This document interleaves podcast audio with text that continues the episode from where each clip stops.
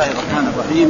الحمد لله رب العالمين والصلاة والسلام على سيدنا ونبينا محمد وعلى آله وصحبه وسلم أجمعين.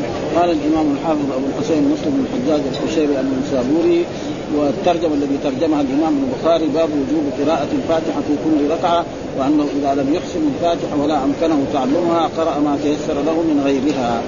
ها فإذا وجوب قراءة الفاتحة في كل ركعة. يجب.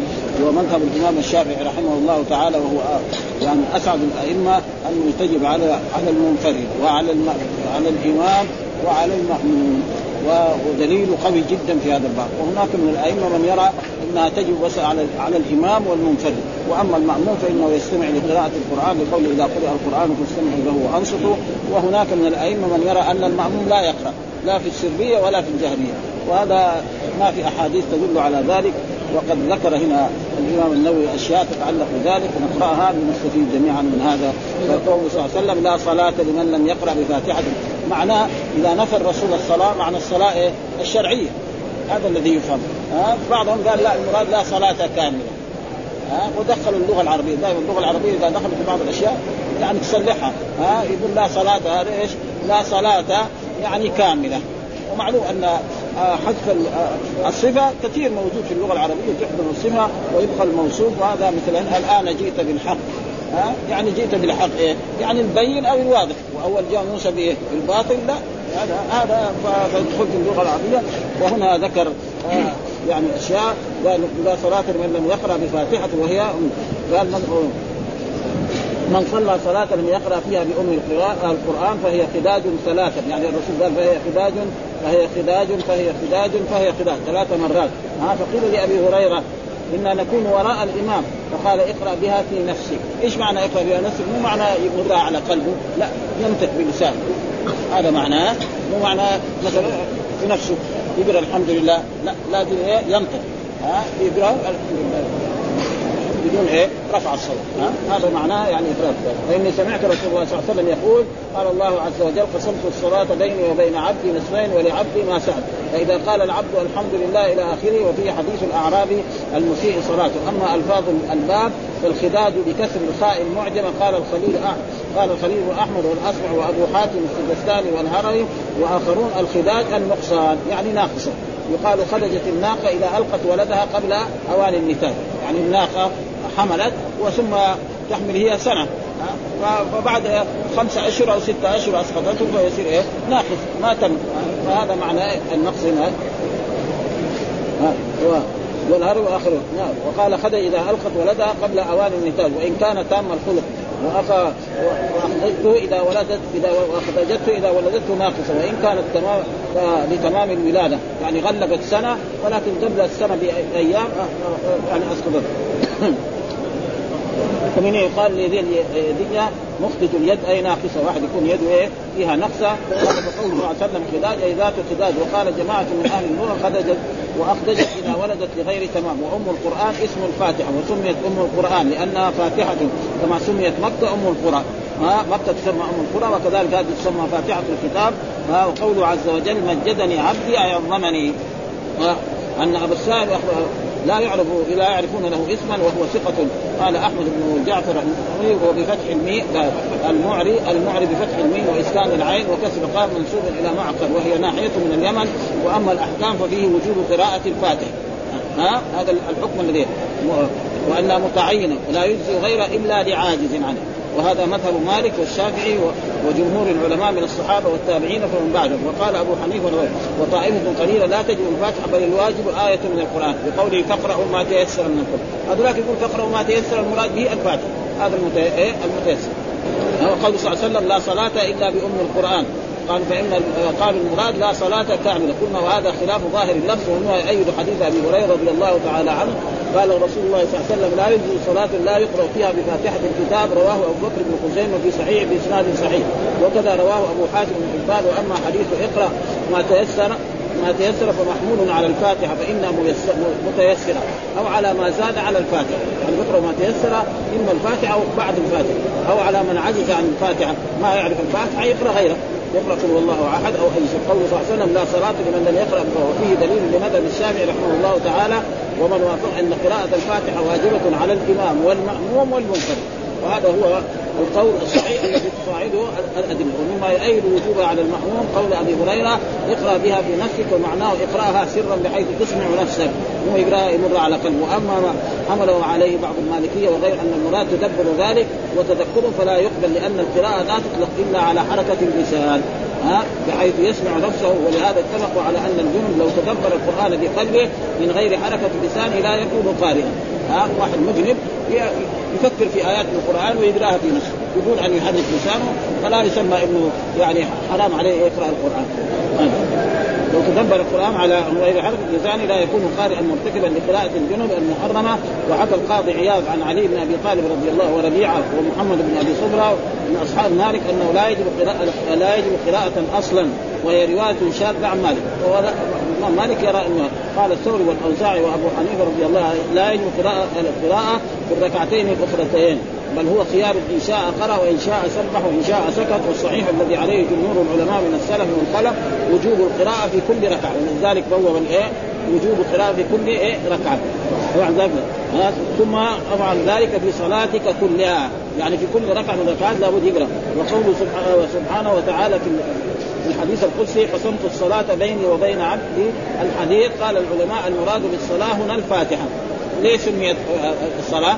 لأنه تشتمل عليها. فلما كانت الفاتحة يشتمل على قراءتها فسماها صلاة. وهذا مثل ذلك كقول صلى الله عليه وسلم الحج عرفة. الحج معناه أعظم ركن من أركان الحج هو عرفة، ليس معنى لو واحد راح وقف عرفة وترك الطواف طواف الإفاضة، حجه باطل. ها؟ هذا معناه أهم ركن لأنه له وقت معين. ها؟ وهو من يوم تسعة إلى فجر يوم عشر. فإذا فات هذا الوقت خلاص ما, يصير. فلذلك قال الحج عرفة. وليس معناه إنه بس هذا وقال المؤلف قسمتها من جهه المعنى لأن لها آه نصها آه الأول تحميد لله تعالى وتمجيد وثناء عليه وتفريض إليه والنصف الثاني سؤال وطلب وتضرع وافتقار. الحمد لله رب العالمين الرحمن الرحيم مالك يوم الدين. هذا تمجيد. ها بعدين إياك نعبد وإياك نستعين. هذا يعني بين العبد وبين ربه. بعدين اهدنا الصراط المستقيم إلى آخره. هذا دعاء من العبد ها لربه سبحانه وتعالى أن يعطيه أن يدله على الطريق المستقيم حتى هذا احتجوا وقال لانها سبع آيات بالإجماع فثلاث في أولها ثناء وأولها الحمد وثلاث دعاء أولها اهدنا الصراط المستقيم السابعة متوسطة وهي إياك نعبد وإياك نستعين. قالوا لأنه سبحانه وتعالى قسمت الصلاة بيني وبين عبدي نصفين فإذا قال العبد الحمد لله رب العالمين فلم يذكر البسملة. وهذا دليل على أن البسملة ما هي من الفاتحة. وكذلك ما هي من كل سورة. ها؟ كالمالكيه وغيرهم ها؟ الشرعية يقول لا بد البسملة. هذا يستدل بحديث يعني ما بس انه ما هو مثل هذه الأحاديث الطويله وعلى كل حال إنه المسلم يقرأ البسمله أحسن. وإذا قرأها سرا أفضل. وإذا قرأها جهرا كذلك لا ينكر عليه وتقريبا. ولو كانت انها لذكر وأجاب أصحابنا وغيرهم ممن يقول أن البسمله آية من الفاتحه بأجوبة أحد أن التنصيف عائد إلى جملة الصلاة لا إلى الفاتحة. وهذا برضه في شوية. هذا هذا حقيقة له والثاني أن التنصيف عائد إلى ما يختص بالفاتحه من الآيات الكاملة. والثالث معناه معناه فإذا انتهى العبد في قراءته إلى الحمد لله رب العالمين. يعني ويقول قبلها وقوله تعالى حمدني عبدي وأثنى علي ومجدني. نعم إنما قاله لأن التحميد الثناء بجميل الأفعال. والتمجيد الثناء بصفات الجلال ويقال أثنى عليه. وفي ذلك كله. ولهذا جاء جواب جاء جواب للرحمن الرحيم باشتمال اللفظين على الصفات الذاتية والفعلية وقول وربما قال فوض إلي عبدي. يعني بدل الرحمن يقول فوض إليه. ووجه مطابقة هذا لقول مالك يوم الدين أن الله تعالى هو المنفرد بالملك وذلك اليوم ذلك اليوم. ويجازي العباد وحسابهم والدين يعني يوم القيامة. مالك يوم الدين. إيش المراد يوم الدين؟ يوم الجزاء وهو يوم القيامة. الذي يملك ويتصرف في يوم الدين هو الرب سبحانه وما في أحد يتصرف. ولذلك في ذلك اليوم يقول الله تعالى لمن الملك اليوم؟ فلا يوجد مجيب قبل أن يحيي الناس يجيب نفسه بنفسه يقول لله الواحد القهار. ما في أحد إيه؟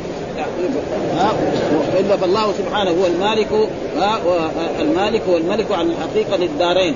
يعني يملك الاثنين وما فيهما ومن فيهما وكل من سواهما مبرور له عبد مسخر في هذا الاعتراف من التعظيم والتنفيذ وتفويض الأمر ما لا يخفى وقوله فإذا قال العبد اهدنا الصراط المستقيم إلى آخره آه، السوره فهذا لعبدي هكذا هو في صحيح مسلم وفي غيره فهؤلاء لعبدي. يعني الدعاء اهدنا الصراط المستقيم يعني ارشدنا وثبتنا وجنبنا طريق المغضوب عليهم اليهود وجنبنا طريق الضالين. ثم بعد ذلك يقول آمين وآمين معناه اسم فعل أمر بمعنى استجب دعاءنا. ها؟ ولذلك جاء في أحاديث يعني اليهود ما حسدتنا في شيء مثل إيه؟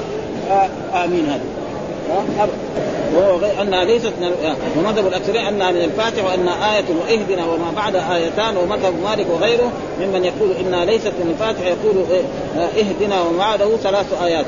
وللأكثرين أن أن يقول قول وهؤلاء المراد الكلمات لن آيات بدليل رواية مسلم فهذا لعبدي وهذا أحسن من من من الجواب لأن الجمع محمول على الاثنتين لأن هذا مجاز. يعني من إهدنا الصراط يعني كله يسمى. ومن اهدنا الصراط إلى الآخر يمكن نسميه ثلاث نقول اهدنا الصراط المستقيم. ها صراط الذين أنعمت عليهم. بعدين غير المغضوب عليهم ولا الضالين. بعضهم يقول إيه غير المغضوب هذه آية. لا يقولوا انها كلها آية واحدة. على كل حال هي سبع آيات. بعضهم يراها مع البسملة والبعض يراها مع غيره. أن رسول الله قال لا صلاة إلا بقراءة. قال أبو هريرة فما أعلن رسول الله صلى الله عليه وسلم أعلناه لكم وما أخفاه أخفيناه. يعني الصلاة الجهريه الجهرية يقرأها الإمام ويقرأها المنفرد آه، المنفرد جهرا وما اسره فمثلا نجي ننظر في الصلاة آه يعني صلاة الفجر وصلاة الجمعة وصلاة العيدين تكون جهرا آه آه ويجي مثلا آه صلاة الظهر الركعتين الأولين. نعم يقرأ فيها فاتحة وسورة والركعتين الاخرين لا يقرأ فيها إلا فاتحة وفي العشاء كذلك إلى هذا ما يذكره يعني. ومعناه ما جهر به في فيه بالقراءه جهرنا وما أسر اسررنا وقد اجتمعت الامه اجمعت اجتمعت الأمة على ان الجهر بالقراءة في ركعتي الصبح والجمعة والاوليين من المغرب والعشاء وعلى الاصرار في الظهر والعصر وثالثة المغرب والأخريين من العشاء واختلفوا في العيد والاستسقاء ومذهبنا الجهر فيهما. وفي نوافل الليل قبل قيل يجهر فيها وقيل بين الجهر والاصرار إذا كان ما في أحد يشوش على هذا يجهر. ونوافل النهار يسر بها والكسوف يسر بها نهارا ويجهر ليلا والجنازة يسر بها ليلا ونهارا. ما ما يسر شيء.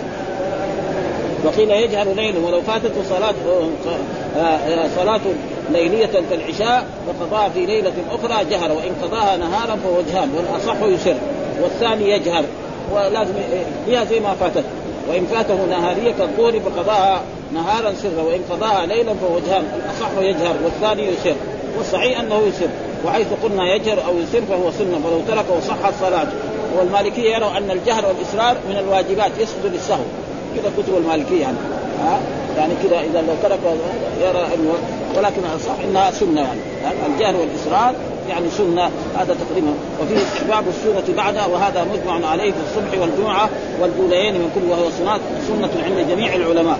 وحكى القاضي عياض رحمه الله عن بعض أصحاب مالك وجوب الشورى وهو شاذ مردود. ها؟ ها؟ وأما السورة في الثالثة والرابعة فاختلف هل تستحب أم لا. وكره ذلك يعني يقرأ الفاتحة بس ما يقرأ إيه؟ سورة. واستحبه الشافعي في قوله الجديد دون القديم. والإمام الشافعي كان له مذهب لما كان في العراق ثم لما نقل إلى إلى مصر تغيرت يعني بعد لأنه عرف يعني اطلع على أحاديث ما اطلع عليها سابقا. فإنه أول كان هو في مكة ثم جاء إلى المدينة وقرأ الموطأ ثم ذهب إلى العراق وجلس سنوات ورأى الإمام أحمد بن محمد ثم نقل بعد ذلك إلى الشافعي وصار مذهبه الجديد هناك مع الأدلة. وقال آخرون هو الخير إن شاء قرأ وإن شاء سبح وهو ضعيف. وتستحب السورة في صلاة النافلة ولا تستحب في الجنازة على الأصح لأنها مبنية على التخفيف ولا يزاد على الفاتحة إلا التأمين وهو آمين. هذا. ويستحب أن تكون السورة في الصبح والاوليين الصرف والاوليين من الظهر من أطول من طوال المفصل وفي العصر والعشاء من أواسطه وفي المغرب من قصار. وطوال المفصل من فين؟ يقول بعض العلماء من قاف إلى يعني عبسة. ومن عبس إلى والضحى هذا اواسط المفصل ومن ومن الضحى إلى الآخر قصار المفصل هذا تقريبا تقسيم لأنه القرآن مقسم إلى أقسام. منهم يقسمه أربعة خمسة ستة. والمفصل يعني تقريبا من فين؟ من قاف. وبعضهم يقول أكثر من هذا أو أقل. على كل حال هذا تقريبا وللحديث كان يطول في الأولى في الأولى ما لا يطول في الثانية ومن قال بالقراءه في الاخرين من الرباعية يقول هي أخف من واختلفوا في تقصير الرابعة على الثالثه والله وحيث شرعت السورة فتركها فاتته الفضيلة ولا يسجد للسائل. قراءة سورة قصيرة أفضل من قراءة قدرها من طويلة. ها؟ قراءة سورة قصيرة أفضل من قراءة قدرها من طويل يعني يقرأ السورة بكامل ولذلك كان الرسول أكثر ما كان يقرأ السورة بكاملة. أكثر صلاة. وتارة يقرأ إيه؟ بعض المرات يعني إيه بعضهم ويجب ترتيب قراءة الفاتحة وموالاتها ويجب قراءتها بالعربية ويحرم بالأعجمية ولا تصح الصلاة بها سواء عرف العربية أو لا. فإذا ما يعرف يقول سبحان الله والحمد لله ولا إله إلا الله والله أكبر. ولا يشترط في القراءة وفي كل الأذكار إسماع نفسه. والأخرس ومن في معناه يحرك لسانه وشفتيه بحسب ويجزيه آه دخل رجل فصلى. وهذا حديث صلاة المسيء صلاته يقول هذا كذلك قال حدثنا آه الحديث بكامله. حدثنا محمد بن المثنى حدثنا يحيى بن سعيد عن عبيد الله قال حدثني سعيد بن سعيد عن أبي هريرة أن رسول الله صلى الله عليه وسلم دخل المسجد فدخل رجل ها رجل فصلى ثم جاء فسلم على رسول الله صلى الله عليه وسلم فرد رسول الله صلى الله عليه وسلم السلام قال ارجع فصلي فإنك لم تصلي فرجع فصلى كما كان صلى ثم جاء إلى النبي صلى الله عليه وسلم فسلم عليه فقال رسول الله صلى الله عليه وسلم وعليك السلام. ثم قال ارجع فصلي فإنك لم تصلي حتى فعل ذلك ثلاث مرات. فقال الرجل والذي بعثك بالحق نبيا ما أحسن غير هذا فعلمني. فقال إذا قمت إلى الصلاة فكبر ثم اقرأ ما تيسر معك من القرآن ثم اركع حتى تطمئن راكعا ثم ارفع حتى تعتدل قائما ثم اسجد حتى تطمئن ساجدا ثم ارفع حتى تطمئن جالسا ثم افعل ذلك في صلاتك كلها. أركان الصلاة يعني اختلف. بعض العلماء يرى أنها 14 بعضهم يرى أنها 12 ها؟ ولكن هذا الحديث يمكن فيه 10 أول شيء إذا قمت إلى الصلاة فكبر هذا واحد. هذا تقريبا وفي قبل النية لازم. إنما الأعمال بالنيات ضروري ها؟ كبر ثم اقرأ ما تيسر معك من الفاتحة. ها؟ ثم اركع. هذا ثلاثة. ها؟ ثم اركع حتى تطمئن ثم ارفع حتى تعتدل الاعتدال كمان ثم اسجد حتى تطمئن ساجدا ثم ارفع حتى تطمئن جالسا ثم افعل ذلك في صلاة كلها مع الترتيب لو أول سجد بعدين ركع ما يصير بعدين يجي في أركان باقية مثلا تركها لدي التشهد الأخير والجلوس له كمان هذه من الأركان كذلك السلام فيصير إيه؟ بعضهم بعض الكتب 12 بعضهم 14 فتجي تقريبا 14 فإذا عدينا هذول العشرة تقريبا وعدينا مثلا آه التشهد الأخير والجلوس له هذا اثنين وكذلك نعم يعني ترتيبها بهذا بهذا الترتيب والسلام. فيصير تقريبا هو 14 فلا بد من هذا. وهناك مثلا في أشياء شروط. زي ما قبل إذا قمت إلى الصلاة فأسبغ الوضوء. هذا إيه؟ قبل الصلاة. هذا شرط. ها؟ ثم استقبل القبلة. هذا كذلك إيه؟ شرط. ها؟ ثم يكون مثلا يعني طاهر راجع الحدث الجديد هذا يعني أسبغ الوضوء ويكون ساترا للعورة. ها؟ فتجي في في الشروط تكون قبل الصلاة والأركان تكون في داخل الصلاة. حتى يصير إيه في تمييز بين إيه بين الركن. والركن إذا تركه عمدا أو سهوا بطلت الصلاة. ولو سهوا. ولو سهوا. ولو سهوا. إذا تركه عمدا أو سهوا بطلت. واحد ما صلى صلى سلام؟ ما ركع ركوعين أو ما سجد سجدة واحدة. الصلاة تصير باطلة فإذا كان يمكن يدرك يعني في الصلاة تذكر يصير الركعة الأولى دي اللي ترك فيها الركوع ملغاة خلاص ها؟ وإذا بعد الصلاة يعيد الصلاة من جديد. ها؟ كذا يعني. فهذه تقريبا يعني ولا بد كذلك أن يقرأ يعني بدون إيه؟ أن يلحن فيها. وذكر هنا وفي بعض الروايات قال إيه؟ ثم أسبغ الوضوء. ومعنى أسباغ الوضوء أن يتوضأ كما أمره الله تعالى مع ترتيب الوضوء. لأنه أول يعني ينوي ثم بعد ذلك يغسل يديه ثلاثا ثم يتمضض إلى آخره ثم آه. هذا هنا فإنك لم ترجع فصلى ثم هذا الرجل يعني كان هو من أول مرة يمكن يقول للرسول علمني. كان الرسول لكن الرسول ظن إنه إيه يعني هذه الأشياء ما يعرفها ويعرف الأشياء الباقيه فتركها. وإنه لو من أول مرة قال علمني يا رسول الله فإن الرسول يعني فقال رسول الله صلى الله عليه وسلم وعليك يعني كل مرة. وهذا في دليل يقول أن الإنسان إذا كان يعني يعني ذهب إلى أي مكان ثم عاد إليه يصلي. فانه هذا بينه وبين الصلاة يمكن خمس دقائق أو أقل. وبرضه سلم كان الرسول يقول له عليك ثم ارجع فصلي فإنك فعل ذلك ثلاث مرات. قال الرجل والذي بعثك للحق. يعني أقسم بالله الذي بعثه وما أقسم غير هذا. فقال إذا قمت إلى الصلاه فكبر ولا بد كلمة الله أكبر. ما يجوز غيرها ثم اقرا ما تيسر معك ثم هذا قال هذا الحديث مشتمل على فوائد كثيرة وليعلم اولا أنه محمول على بيان الواجبات دون السنن. يعني الأركان هنا. فإن قيل لم يذكر فيه كل الواجبات فقد بقي واجبات مجمع عليها ومختلف فيها. فمن المجمع عليه النية والقعود ها والتشهد الأخير وترتيب أركان الصلاة من المختلف فيه ها المختلف فيه التشهد الأخير والصلاة على النبي صلى الله عليه وسلم. الصلاة على النبي صلى الله عليه وسلم في مذهب الإمام أحمد أنها ركن من أركان الصلاة. وغيره من الأئمة لا يرى والإمام الشافعي في رواية كذا وفي رواية كذا ها؟ يعني في رواية أنه ركن وفي رواية أنه ما هو ركن وعلى كل حال. وأما الأئمة الباقون أن الصلاة على الرسول صلى الله عليه وسلم يعني لو أن مسلما صلى وما قال بس كلمة اللهم صل على محمد وسلم في مذهب الامام احمد صلاته باطله لا تسمى صلاة. والآخرين يقولوا أنه سنة. ليه؟ لأن وفي حديث يعني يدل على ذلك أن الصحابة سالوا الرسول صلى الله عليه وسلم قالوا كيف نصلي عليك إذا نحن صلينا في صلاتنا؟ بهذا النص ها؟ في النساء في سنن النساء. كيف نصلي عليك إذا نحن صلينا؟ فقال قولوا اللهم صل على محمد وعلى آل محمد كما صليت على إبراهيم وعلى وهذا دليل يعني قوي جدا. غير الآية ها؟ صلوا هذاك في أمر برضه.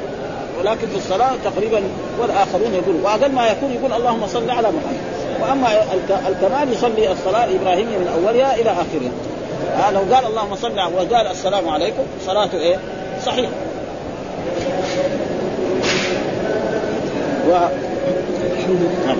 والتشهد أو الصلاة على النبي فيه والسلام. وهذه الثلاثة واجبة عند الشافعي رحمه الله تعالى وقال بوجوب السلام الجمهور. وواجب التشهد كثيرون. وأوجب التشهد كثيرون وواجب الصلاة على النبي صلى الله عليه وسلم مع الشافعي والشافعي وأحمد بن محمد وأصحابهما. وأوجب جماعة من أصحاب الشافعي نية الخروج من الصلاة. آه نية الخروج. وأوجب أحمد رحمه الله تعالى التشهد الأول. يعني واجب معناه إيه؟ ما هو ركن. آه فلذلك إذا تركه يسجد للسهو التشهد الأول. وتكبيرات الانتقالات كذلك. هذه كلها واجب. بعض الأئمة يقول لا أنها سنة. والجواب أن الواجبات الثلاثة المجمع عليها كانت معلومة عند السائل فلم يحتج إلى بيانها. وهذا تقريبا الظاهر إنه ما الذي يظهر إنه ما يعرف شيء من الصلاة. ما يعرف القوانين والباقي ولكن يقول كذا. وكذا وكذا المختلف عند من وجوه يحمله على أنه كان معلوما عنده. وفي هذا الحديث دليل على أن إقامة الصلاة ليست واجبة. ها؟ وفيه وجوب الطهارة واستقبال القبلة وتكبيرة الإحرام والقراءة وفيه أن التعوذ ودعاء الافتتاح. يعني أعوذ بالله من الشيطان الرجيم. هذا سنة ودعاء الافتتاح. وذلك رفع اليدين في تكبيرة الإحرام ووضع اليد اليمنى على اليسرى. هذه على كل ما هي أركان. سنة. لكن الإنسان قال الرسول صلوا كما رأيتموني أصلي. يعني لو واحد ترك هذه ما نقدر نقول له صلاتك باطله ها؟ ها؟ لانها سنن من الناس. وهذه السنن منها أقوال ومنها أفعال. زي مثلا كذلك التورك في في التشهد والجلوس بين السجدتين. هذه كلها تقريبا إيه ووضع اليد اليمنى على اليسرى وتكبيرات الانتقالات والتسبيحات. التسبيح كذلك في الركوع والسجود وهيئات الجلوس. كيف يجلس متورك أو مفترش. هذا كله وضع اليد على الفخذ في وغير ذلك مما لم يذكره في الحديث. ليس بواجب إلا ما ذكرناه من المجتمع عليه والمختلف فيه دليل على وجوب الاعتدال عن الركوع والجلوس بين السجدتين ووجوب الطمأنينة في الركوع والسجود والجلوس بين السجدتين وهذا مذهبنا ومذهب الجمهور ولم يوجبها أبو حنيفة رحمه الله. ولذلك يقول حتى الطمأنينة ما هي؟ ولا الاعتدال فتجد الواحد دغري هو واقف دغري ساجد دغري قائم. فهذه زي ما يقول تلف كما يلف ثوب الخلق فيضرب بها وجه صاحب ولا بد الطمأنينة هذه شيء ضروري ولكن مع إيه؟ لأنه لهم قواعد هم يقول الركن ما ثبت بالقرآن والواجبات ما ثبت بالسنة يعني قواعد إيه؟ يعني تختلف عن اصول الفقهاء الثانية فالصلاة إيه؟ قال اسجدوا واركعوا واقرأوا ما تيسر من القرآن أما الطمأنينة ما في القرآن يقول هذا. ولكن الصحيح لا فرق بين ما ثبت في الكتاب وفي السنة من جهة الأحكام الشرعية فلذلك تجد ما يطمئنون أبدا. ثم رفع حتى تعتذر فاكتفى ولم يذكر الطمانينه آه كما ذكر كما ذكر في الجلوس بين السجدتين أو في الركوع. وفيه وجوب القراءة في الركعات كلها وهو مذهبنا كما سبق. وفيه أن المفتي إذا سئل عن شيء كان هناك شيء آخر يحتاج إليه السائل ولم يساله عنه. يستحب له أن يذكره. وهذا كثير ما ها يعني الرسول صلى الله عليه وسلم يفعل. ها سألوه يعني الصحابه رسول الله صلى الله عليه وسلم مرة يعني عن البحر. عن البحر. أنا أتوضأ من يعني من ماء البحر. لأنه ماء البحر نتن ومالح جدا. فالرسول أجابه.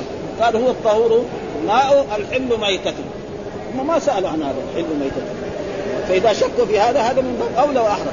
ها ها؟ فأعطاهم فائدة. وكذلك هذا الحين الأعرابي. يعني خرب بعض الأركان الرسول علمه أركان ما خربها. ها له كذا تقرأ القرآن وتركع كذا وترفع كذا. وهذا يعني يعني يعني يكون قدوة للعلماء ولطلبة العلم. انه إذا سئل مسألة وكان السائل يعني في أشياء يعني يهتم. فيقول له زي هذا لا. ها يقولون الطهور ماء الحل ميتته فإذا شكوا في الماء إنه ماء طاهر. الميتة يقول ابدا ميتة زي ميتة الإبل زي كذا ها فالرسول أعطاهم هذا وكل شيء نجده في البحر ميت لنا أن ناخذ فلذلك جاء في الأحاديث قال أحل لنا ميتتان نعم ودمان. حديث كذا أحل لنا ميتتان ودمان. الميتتان هو يعني السمك والجراد والدمان الكبد والطحال. الكبد والطحال هذا الدم أشد من السائل ومع ذلك حلال. فالحلال ما أحبه الله والحرام ما حرمه الله. ليس لاحد أن يعني يقول في هذه الأشياء و... ويستحب أن تكرار إذا تكرر يعني السلام. واستحباب السلام عند وجوب رده وأنه يستحب تكراره إذا تكرر اللقاء وإن قرب العهد.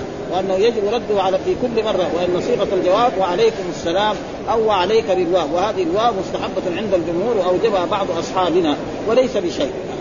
جائز عليك السلام وعليكم السلام قال الله تعالى قالوا سلاما قال سلام ها؟ وهذا في فرق يعني بين الجملة الإسمية والجملة ها؟ قالوا قال قالوا سلاما. يعني نسلم سلاما. قال سلام يعني يعني سلام عليكم. آه مثلا بعض النحويين يقول طيب يعني ما يجوز الابتداء بالنكره سلام الثاني هذا نكرة هذا. ما واحد يقول رجل قائم. ما ما يرضى ابدا فهذا يقول لك هذا فيه معنى الدعاء يعني فيه تخصيص. ها؟ توجد معنى التخصيص فلذلك يجوز كثير موجود في القرآن. يعني سلام عليكم سلام عليكم. ها سلام فيقول أنه لم يؤذن الصلاه ولا. وفي أن من اخل ببعض واجبات الصلاة تصح ولا يسمى مصليا بل يقال له لم تصل فان قيل كيف تركه مرارا صلى صلاة فاسده فالجواب أنه آه لم يؤذن له لم يؤذن له في صلاة فاسده ولا علم من حاله يعني ما يدري بلكن هو يعرف بعض الشيء أو ما يعرف. ولكن صحيح أنه جاهل وما طلب. فلو طلب من الرسول الله صلى الله عليه وسلم من أول مرة كان يعلم الرسول. وهو محتمل أن يأتي بها صحيحة وإن لم يعلمه أو يكون أبلغ في تعريفه وتعريف غيره بصفة الصلاة المجزئة كما أمرهم بالإحرام بالحج ثم بكسره إلى العمرة ليكون أبلغ في تحويل ذلك عندهم والله أعلم. وهذا ذكر يعني مثلا الرسول لما خرج للحج حجة الوداع خير الصحابة بين الأنساك الثلاثة وأكثر الصحابة احرموا بالحج.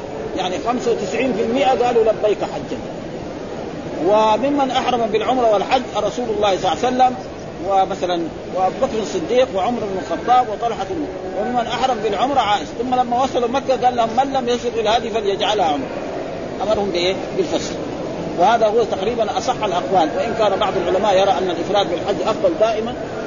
فالمالكيه والشافعية كذا أه وأصح الأقوال. إذا ما ساق الهدي التمتع أفضل. وإذا يسوق الهدي يجوز له أي نسك من النسك ها هذا إذا كان إيه يعني والله أعلم أنه وقع في في إسناد هذا الحديث في مسلم عن يحيى بن سعيد عن عبيد الله قال حدثني سعيد ابن ابي عن أبي هريرة قال قطني في استدراج كانه خالف يحيى بن سعيد في هذا في هذا جميع أصحاب عبيد الله فكلهم رواه عن عبيد الله عن سعيد عن أبي هريرة ولم يذكر أباه.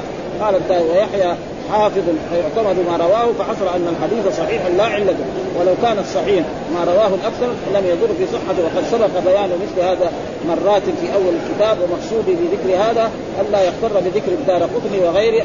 له في استدراكات الله لأن الدار قطني يعني عنده كتاب يعني انتقد البخاري وانتقد مسلم.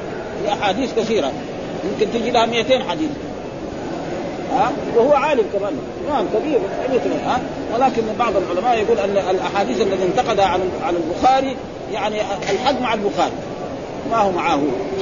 والذي انتقد على مسلم تقريبا في أحاديث يعني يعني تقريبا صحيحة يعني انتقاده.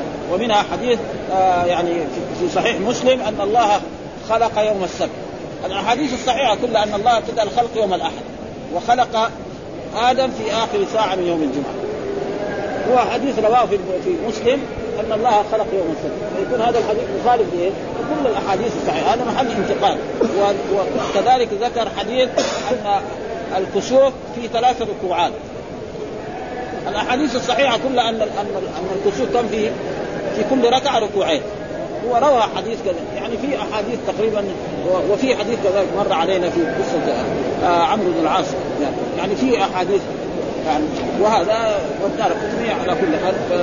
بعدين هنا ذاك باب النهي نهي المأموم عن عن جهره بالقراءة خلف إمامه لأنه يشوش على الإمام. ها المأموم إذا يجهر بالقراءة يقرأ الفاتحة جهرا والإمام يقرأ ها والقرآن. إذا قرأ القرآن إيه فاستمعوا له وأنصتوا. وفسرها العلماء إذا قرأ الإمام هذا الإمام أحمد تفسيره إذا قرأ الإمام القرآن في الصلاة فاستمعوا لقراءته وأنصتوا. هذا هو تفسير الإمام أحمد في هذه الآية. وليس معنى ذلك أن واحد يكون يقرا هناك. إنما يعني ما هو واجب يعني نستمع له. فاذا واحد استمع له فلا بأس. أو واحد الآن في عصر يقرأ في المذياع. أو شخص عنده تسجيلات لبعض القراء واجب عليه يستمع ما هو واجب. فإذا استمع وتدبر فلا بأس. أما كونه واجب متى؟ في الصلاة. أما الامام يقرأ وإنت تقرأ هذا لا معنى. ولذلك هنا باب نهي المأموم عن الجار بالقراءة خلف إمامه. ما يجب. إيش الدليل؟ ساق هذا الحديث. قال حدثنا سعيد بن منصور وقتيبة بن سعيد كلاهما عن أبي عوانة. قال سعيد حدثنا أبو عوانة عن قتادة عن زرارة بن أبي أوفى عن عمران بن حسين قال صلى بنا. وهنا بنا بمعنى لنا. يعني صلى رسول الله صلى الله عليه وسلم إماما لنا. كما قال في حديث صلى صلى لنا رسول الله بالحديبية. في حديث مر علينا صلى لنا بالحديبية وقال أصبح من عبادي مؤمن لي وكافر. ها؟ صلاة الظهر أو العصر فقال أيكم قرأ خلفي بسبح اسم ربك الأعلى فقال رجل أنا ولم أرد بها إلا قال قد علمت أن بعضكم خالجنيها. ها؟ يعني خالجنيها معنى نازعنيها. خالجنيها يعني نازعني يعني يقرأ هو هذا فيشوش على الإمام يمكن بعد ما ذلك ولا يستطيع أن يقرأ. ففهم من ذلك أن المأموم إذا قرأ الإمام جهرا يقرأ. وأما في السر لم يفهم منه أنه في السر يقرأ. ها؟ الذي يفهم من هذا أنه في السر يقرأ المأموم. كذا. هذا الذي يفهم من إيه؟ أن المأموم إذا صلاه سرية أنه يقرأ. الإمام أبو حنيفة يقول لا ما يقرأ. بس يوقف كذا معاه ها؟ واستدل بحديث يعني قراءة الإمام قراءة للمأموم وهو حديث ضعيف يعني تقريبا ما ما ما ما, ما, ما قال جديا فهذا دليل يعني يطابق إيه؟ الترجمة تماما.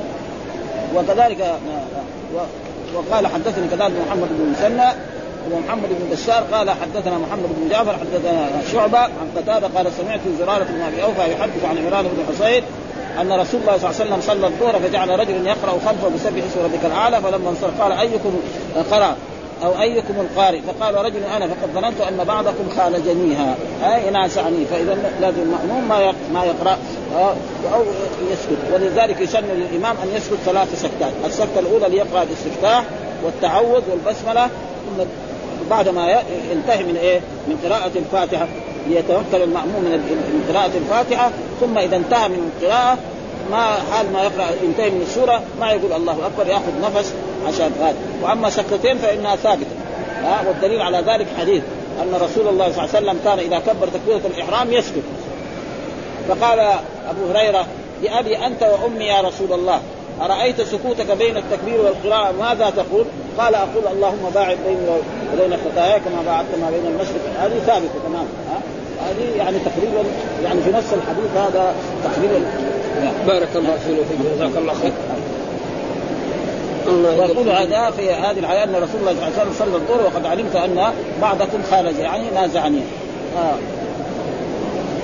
هذا الباب. كذلك مثلا باب حجة من قال لا يجهر لا يجهر بالبسملة. وهذا تقريبا يعني آه يعني أن هل البسملة يجهر بها أو لا يجهر. وأصح الأقوال أنه إذا جهر بها لا يقال له شيء. وإذا أسر بها أو مره يجهر بها ومره لا يكون يعني تقريبا هذا هو الأحسن. لأنه بعض المذاهب كمذهب الإمام الشافعي لا بد من قراءة بسم الله الرحمن الرحيم. ما يقرا صلاته باطلة. واستدلوا بأحاديث. منها حديث أبو هريرة آه، أبو هريرة كان يصلي بالناس ويقول بسم الله الرحمن الرحيم الحمد لله رب العالمين ولما ينتهي يقول إني لاشبهكم صلاة برسول. وهنا أحاديث لا يجهر بسم الله أو لا يقرؤون لا في أول القراءة ولا في اخراها فإذا الجهر جائز ولا بأس أن الأئمة في جميع البلاد الإسلامية مرة يجهر بها ومرة يسر بها حتى يكون إيه الناس على علم. ولكن تجد يعني في بعض المذاهب يعني في التعصب وإلا نفس ابن القيم أنا قرأته في زاد المعاد يقول لا بأس أن الإنسان مرة يجهر بها. ها مرة يجهر بها يعني لأنه هو منصف يعني ما عنده تعصب. يعني حين الحنابلة مثلا ما ما حد واحد في بعض البلاد جهر بها يمكن يعزلوه من الإمام.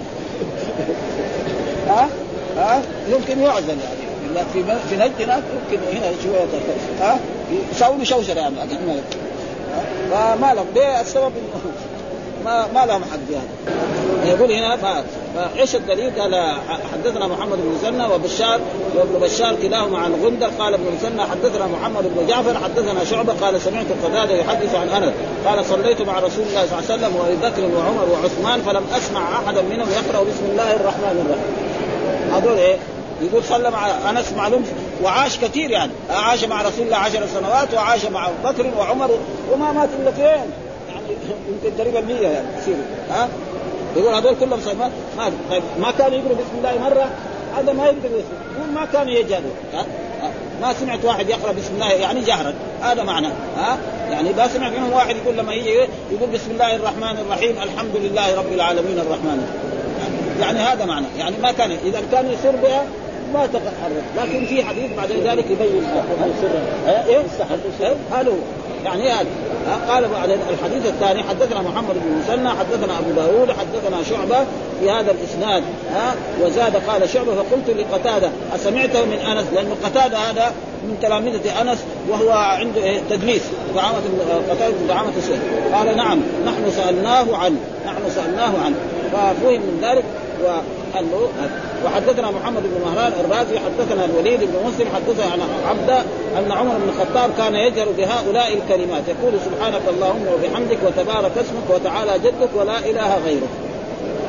ها؟ يعني الاستفتاح المالكية يقول ما في استفتاح ها؟ بس إيه؟ واستدلوا بحديث أن الرسول كان يبتدئ الصلاة بالحمد لله رب العالمين. الحمد لله رب وهذا يسمى على الحكاية. ها؟ وإلا كان من جهه الإعراب لازم يقول بالحمد. ان الباء حرف جر.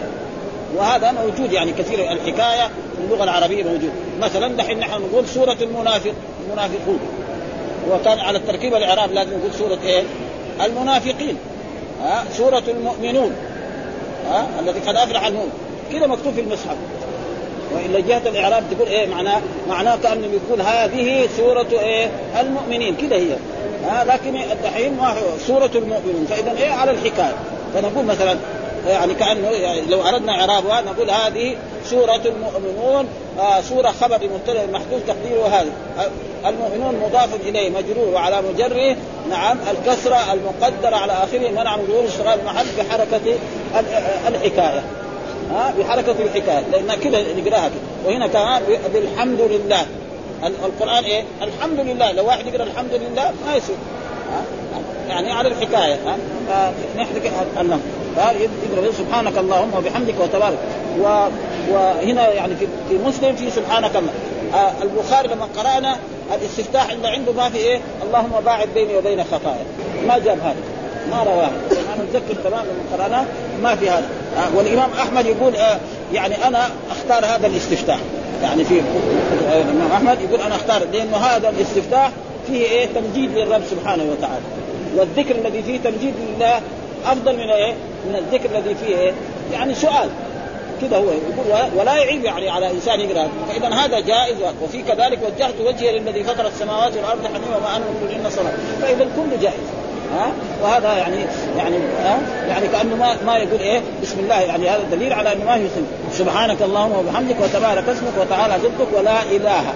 ها؟ بعض العوام نسمعهم خصوصا من البادية ولا إله غيره هذا غلط. من جهة الإعراب. هذا انه لا نافيه للجنس إيه إذا كان اسمه نكرة يكون مبني على الفتح. ولا إله. كثير من البادية يعني هذا. ولا إله غيره. ولا أحد ما أدري لو كان نبههم يعني يمكن ينتبه لكن ما حد يعني ها كثير يعني هذا. قال صليت خلف النبي صلى الله عليه وسلم وأبي بكر وعمر فكانوا يستفتحون بالحمد لله رب العالمين. وهذا زي بالحمد. ها يعني على الحكاية. وهذا دليل مذهب المالكية. يقولوا ان ان أن المصلي الصلاة لا يتعوذ ولا يبسمل ولا يقرا الاستفتاح. كل هذا يقول ما يفعل ولكن الحافظ حجة على من لم يقرأ يعني إذا أردنا أن ننصف ها؟ السرية ها؟ السرية يعني ما لا هو لا يخلو لا في الجهر ولا في الهدف لا في الجهر ولا في السرية يعني ما لا يقول بسم الله الرحمن الرحيم ولا هذا المذهب يعني. ها المذهب موجود مثلا. لو يدري أي كتاب من كتب المالكية ها كرساله أبي زيد القرواني أو يعني خليل أو غير ذلك من الكتب بس دغري الله أكبر دغري يقول الفاتحه خلاص. ها ولكن الأحاديث فيها حجة إنه؟ في أحاديث تثبت أن الرسول كان يتعوذ. وأحاديث أنه كان يقول بسم الله الرحمن وأحاديث كان يقول إيه؟ سبحانك اللهم. فالحافظ حجة على والرسول قال صلوا كما رأيتموني أصلي وكانوا يستفتحون بالحمد لله لا يذكرون بسم الله الرحمن الرحيم في أول قراءة ولا. إذا لا يذكرون معناه جهرا. فإذا لو أسر ما في شيء. ها؟ هذا فتقريبا هو يعني تقريبا هذا الذي يدل عليه عن الأوزاعي واخبر وهنا ذكر يعني وفي إسناد قتادة عن أنس وفي طريق الثاني قيل لقتادة اسمعت قال نعم وهذا تصريح بسماعه فينتفي ما يخاف من إرساله. ها آه إنه إيه؟ يعني سبق لتدليسه وقد سبق مثل هذا في آخر الباب وقوله يستفتحون بالحمد هو برفع الدال على الحكاية. ها آه يعني لما نقرأ هذا الحديث كذا نقرأه لكن في غير ذلك لا. ها ها, ها بالحمد يعني على الحكاية. يستدل بهذا الحديث من لا يرى البسملة من الفاتحة ومن يراها منه ويقول لا يجهر ومذهب الشافعي رحمه الله والطوائف من السلف والخلف أن البسملة آية من الفاتحه وأنه يجهر بها حيث يجهر بالفاتحه واعتمد اصحابنا من قال بأنها آية من الفاتحة أنها كتبت في المصحف. ها؟ بخط إيه؟ المصحف. يعني دحين القرآن كله من أول إلى آخره. كل ما تغلق سورة بسم الله. وكتابتها زي كتابة المصحف صلى الله فهذا ما يكفي دليل يعني. ها؟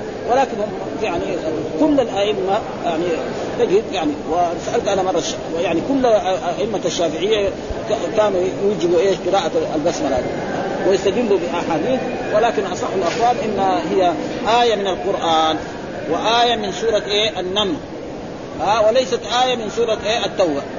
براءة ما يجوز واحد يقرأ بسم الله الرحمن الرحيم. هذا تقريبا يعني الأحاديث التي إيه تدل إلى هذا. واجمع أنها ليست في أول براءة وأنها لا تكتب فيها وهذا يؤكد ما قلناه. ها؟ يجهر بهؤلاء سبحانك اللهم وبحمدك وتبارك اسمك وتعالى جدك. وعن قتاده أنه كتب إليه يخبره عن أنس قال صليت خلف النبي صلى الله عليه وسلم. فيفهم من ذلك أنه وأزاعي عن قتادة وهذا وهو حديث متصل هذا كلام الغساني. هذا المقصود كذلك الاستفتاح له أن يقرأ هذا وله أن يقرأ اللهم باعد فان إن أبا هريرة سأل رسول الله صلى الله عليه وسلم فقال أرأيت سكوتك بين التكبير والقراءة؟ ماذا تقول؟ قال أقول اللهم باعد بيني وبين خطاياك كما بعدت ما بين المشرق والمغرب. اللهم نقني من خطاياك كما ينقى الثوب الأبيض من الدنس اللهم اغسلني من خطاياي بالماء والثلج والبرد. وهنا سبحانك وكل جائز ومرة يقرأ هذا ومرة يقرأ ما دام ثابت فهذا تقريبا هو الأحسن. آه والحمد لله رب العالمين وصلى الله وسلم على نبينا محمد وعلى آله وصحبه وسلم.